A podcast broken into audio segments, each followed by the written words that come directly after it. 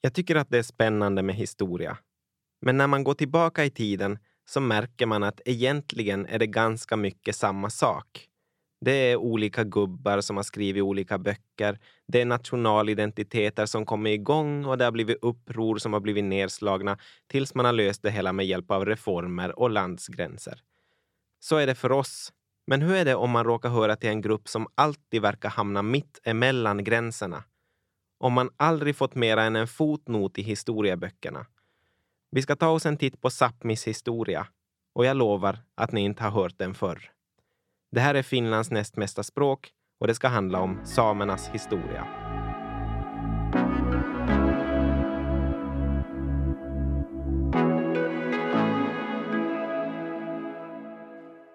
För att berätta samernas historia har jag fått hjälp av historikern Steinar Pedersen. Han har bland annat forskat i den norska 1800-talsnationalismens negativa effekter på urfolken och skrivit flera böcker om hur nationalgränserna har påverkat samerna. Nu för tiden är han involverad i Tanavattendragets fiskeförvaltning och aktiv inom frågor om samernas rättigheter. Men om vi ska förstå hur allting började så får vi gå tillbaks till medeltiden. Sápmi, eller Sameland, är ett område som en gång i tiden täckte stora delar av Finland, nordvästra Ryssland och ganska långt söderut i Sverige och Norge. På senare tid har vissa hävdat att hela idén med Sápmi är en modern konstruktion, någonting som Steinar Pedersen bestämt motstrider.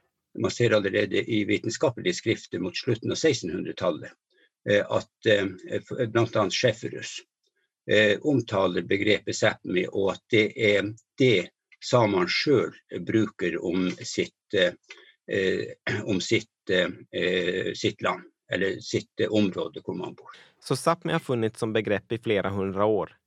Men senare så börjar invånare i de sydligare delarna av Finland, Sverige och Norge att vilja utvidga sina intresseområden norrut.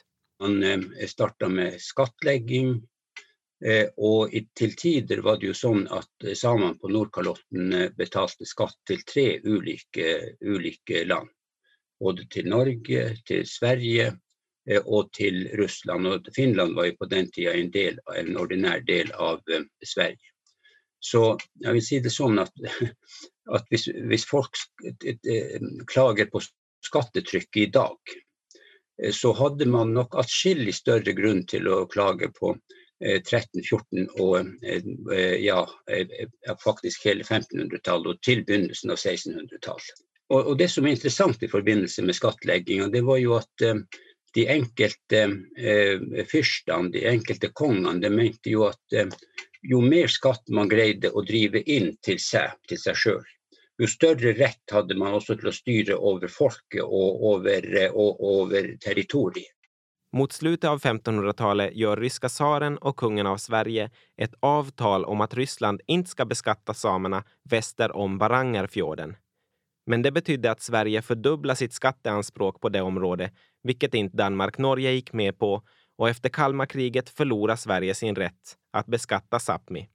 Nu la också dansk-norska kungen anspråk på området, även om det fortfarande inte fanns några klara gränser.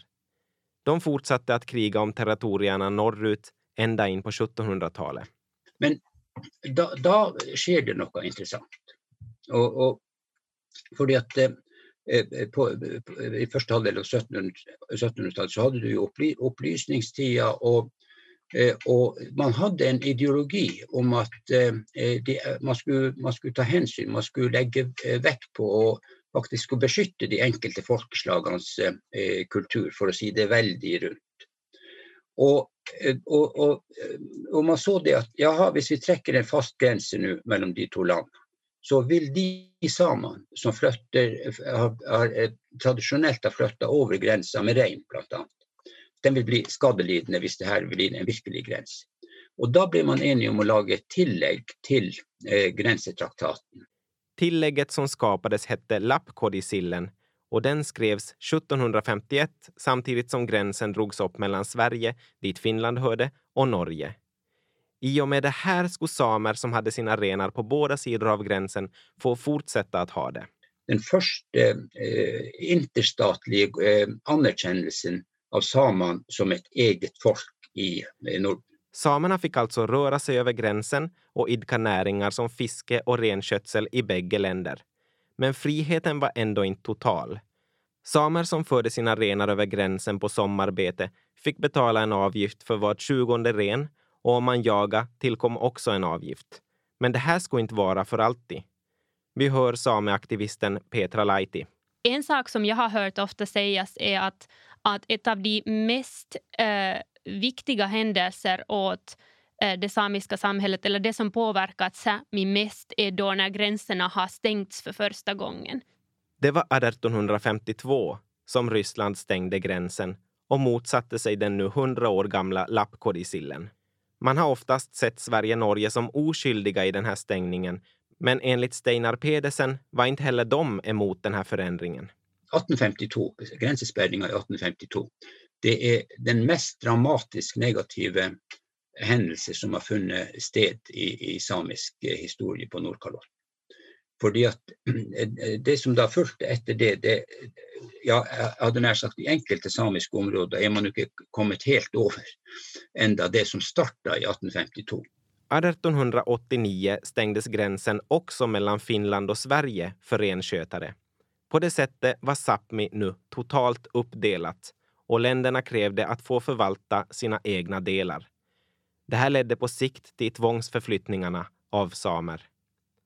1905 upphörde unionen mellan Sverige och Norge och renbetesfrågan blev en av de allra svåraste frågorna för de två länderna att lösa. Det var en historiker som hade jobbat med det där som sa det att han hade funnit ett notat från, från 1913 där den svenska utrikesministern eh, uttalat att hvis det var eh, ett spörsmål som kunde föra till krig mellan Norge och eh, Sverige så var det renbetesspörsmål. Efter intensiva motsättningar införs renbeteskonventionen mellan Sverige och Norge år 1919. Enligt den inskränks de svenska samernas vinterbetesmarker på den norska sidan och Karesuando-samer blir tvungna att flytta i det som man kommer att kalla tvångsförflyttningarna. Det innebar dramatiska förändringar för människorna och har följder än i denna dag. Det är ju faktiskt så illa att eh, fortsatt idag i det sörsamiska området så är det ju sörsamer och nordsamer som kom på 1920-talet som ligger i rättssak eh, om eh, renbeterättigheter. Och allt har sin upp, egentliga upprinnelse i, i gränsspärrningar i 1852. En annan gränsförändring som påverkar samerna var 1920 då Sovjetunionen gav Finland Petsamo, den andra armen, ett förhållande som varade fram till 1944. Mm, kanske det klaraste exemplet vi har på uh, ordentliga tvångsförflyttningar är uh, skoltsamerna i Finland eftersom de uh, blev ju evakuerade från Petsamo under andra världskriget. Uh, och sen när Petsamo inte tillhörde Finland längre uh, så då har man då flyttat uh, Eh, skoltsamerna till eh, det som nu, nu är Sevetijärvi eh, och, och Näätämötrakten som är nära östra gränsen. Men då alltså som skoltsamerna har, har blivit flyttade dit så det fanns inte ens en väg till Sevettijärvi de första tio åren som skoltsamerna bodde där. Um, och, och, det handlar om, om, en betydligt mindre population än, än säg, tvångsförflyttningarna i, i Sverige. Uh, men, men det har hänt också, också i Finland. Men samma år, 1944, inträffa någonting som skulle bli förödande Finland hade allierat sig med Tyskland för att starta fortsättningskriget mot Sovjet. När vi sen förlorade var ett av kraven att vi skulle vända vapnen mot tyskarna. Det ledde till den tredje delen av andra världskriget för vår del, den del som det inte pratas så mycket om, nämligen Lapplandskriget. Stora delar av Nordfinland blev bränt ner. Eh, eh, ödelagt. Rovaniemi blev totalt utslättat. Och, det, och jag har också hört eh, eh hört sagt av historiker som har jobbat med det där att eh, de, den, den värsta, eh, den värsta, de som stod för de värsta ugärningarna i Rovaniemi, det var norska SS-soldater alltså som kämpade i lag med, med tyskarna. Eh, och Nordfinland blev bränt ner stora delar och eh, Nord, fin, eh, hela Finnmark och halve, halve Troms. Nord-Troms och Finnmark eh, var ju, eh, var jo, också utsatt, skulle utsättas för samma eh, utslettelsestaktikk. og i, i, många, eh, I mange områden så stod det ju et eneste hus igjen. veier var sprengt, alle bruer var sprengt, alle telefonlinjer var sprengt. Eh, og, og folk ble eh, deportert eh, sørover i, eh, i, Norge. Så eh, andre verdenskrig og slutten av andre verdenskrig hadde jo katastrofale følger for samene både i Finland och i Norge. När kriget var slut var så mycket av bygderna brända och förstörda att befolkningar tvångsdeporterades därifrån. Men en del av samerna i inlandskommunerna stannar kvar. Och, och varför det? Jo, för att folk här de hade, de hade kunskap. Eh, samerna hade kunskap om hur man skulle berga sig med lite. Man hade kunskap om hur man kunde bygga gamla. Det var många som byggde när de hörde det här att, att nu skulle man tvångsevakueras.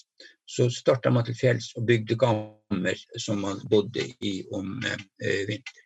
Om man ser på konsekvenserna...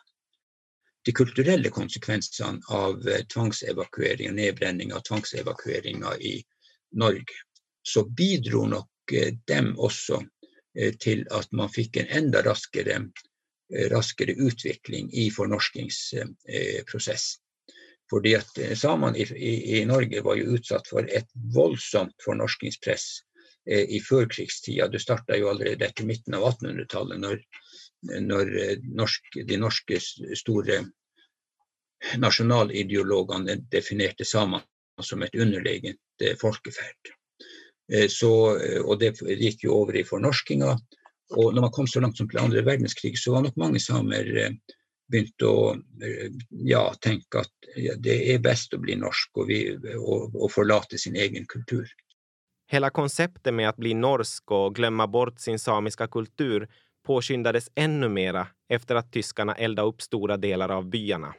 Medan i Finland så, så börjar ju den här tvångsassimileringsperioden först efter, efter andra världskriget. Eh, och, och just från och med 50-talet börjar eh, internatskoletiden för samerna och varar ända till 70-talet. Men när vi närmar oss modern tid finns det en mycket viktig händelse som ägde rum 1979, nämligen Alta-konflikten. Alta-konflikten är alltså Ehm, en, en, händelse eh, som anses vara starten på eh, den nutida rörelsen för samiska rättigheter som urfolk. Eh, och det som hände var då alltså var att, att Norge skulle bygga en, en damm i Finnmark och konsekvenserna av dammen var att en samisk by, uh, skulle bli totalt under vattnet. Eh, och det här då, um, det här, den här planerna för, för dammen pågick i många år men, men det kulminerade alltså i eh, en, en stor protest eh, som hade då eh, samer eh, och då eh, också icke-samer, eh, naturskyddsaktivister eh, eh, och, och, och, annat liknande samarbetare för att protestera emot den här dammen för att rädda uh, Um, och, och, och, om jag minns rätt nu Eh, så Mätse-operationen för att ta ner eh, protestlägren var den största polisoperationen i norsk historia. Den här konflikten fick politiker, särskilt i Norge, att börja tänka om vad det gällde förhållningssättet till samerna. Det gick upp för eh, ledelsen, inte bara i Arbeiderpartiet, men i de flesta partier, att, att här är det något som må vara fundamentalt galt. Hva, hvorfor reagerer folk på denne måten? Hvorfor eh, ønsker man å sultestreike seg till til død? Och vad är det vi har gjort fel? Det här ledde till utredningar om samernas folkrättsliga ställning och om behovet till förändring av grundlagen i Norge och att det första sametinget grundades. Helt enkelt ett självbestämmande organ för samer. Så i löpet av en tioårsperiod eh, från slutet av 70-talet, hvor det här nästan var utopi. Ja det, ja, det var delvis utopi. Så fick man alltså lagt två eh, grundstenar. Eh, både, eh, både ett, ett folkevalgt sameting som startade sitt arbete 1989 och en grundlovsparagraf om samans rättsstil. Och, och det här gick sånn. och i eh, 1990 var Norge också det första land i världen som eh, ratificerade ILO-konvensjon 169. Så det, det skedde en, det skjedde blant sentrale i Norge, och också i, bland en stor del av opinionen. Det var nog inte helt 100% samstemmighet. Men så skedde det en uppvakning som förde till helt konkreta resultat och inte bara byråkratisk prat som man i enkelte sammanhang kan eh, uppleva när ting ska eh, ting ska beslutas. Norge kom sig alltså framåt med väldig fart efter Alta-konflikten. Men hur gick det i de andra nordiska länderna? I eh, Sverige, känner jag till, där lagar man i princip en, en liknande utredning som i, i Norge, där, där, både när det gällde, folk, i alla fall när det gällde. Och, i, och där kom man också fram till att det, måtte, att det borde upprättas ett, eh, ett, ett eget sameting, direkt folkvalt sameting, som i, eh, som i Norge. Men i Finland hade man ju faktiskt den här same, såkalte samedelegationen allerede på eh, begynnelsen av 1970-talet. I Finland gick det till lite annorlunda, för i Finland redan på 50-talet vill jag minnas har det gjorts en utredning om hur samernas eh, position är och, och hurdana önskemål samerna har. Och då redan så har eh, samerna gett sådana rekommendationer och önskemål som är relevanta ännu idag på 2020-talet. Um, ehm, men tack vare den här utredningen på 50-talet så bildades då uh, några uh, sekel senare uh, eller några decennier senare så bildades uh, den här same, samedelegationen, Saamelaisvaltuuskunta på, på finska. Um, och de agerade stort satt som, som Sametinget. Det var inte liksom lika officiellt som Sametinget är idag gentemot staten, men det existerade ändå. Och det var det första samiska självstyreorganet i, i Sápmi um, som då agerade emot, emot staten. Men trots att mycket är på plats för att ge samerna fler självbestämmande rättigheter så finns det många exempel på gånger som det inte fungerar. Samma frågor dyker upp igen om renskötsel, jakt och fiskerättigheter det som vi kan se och lära oss från, från det sista seklet, äh, från början av 1900-talet tills, tills idag, äh, är det att, att äh, förändringar i politiken mot samer kan förändras förvånansvärt snabbt. Äh, och att ehm, när vi kommer från, från Alta-konflikten eh, och genom 90-talet och genom den här eh, tiden av, av samisk nationbyggning på ett sätt, så vi kan också se en, en sväng Eh, som vi håller på att se just nu um, där samernas rättigheter börjar igen brytas emot.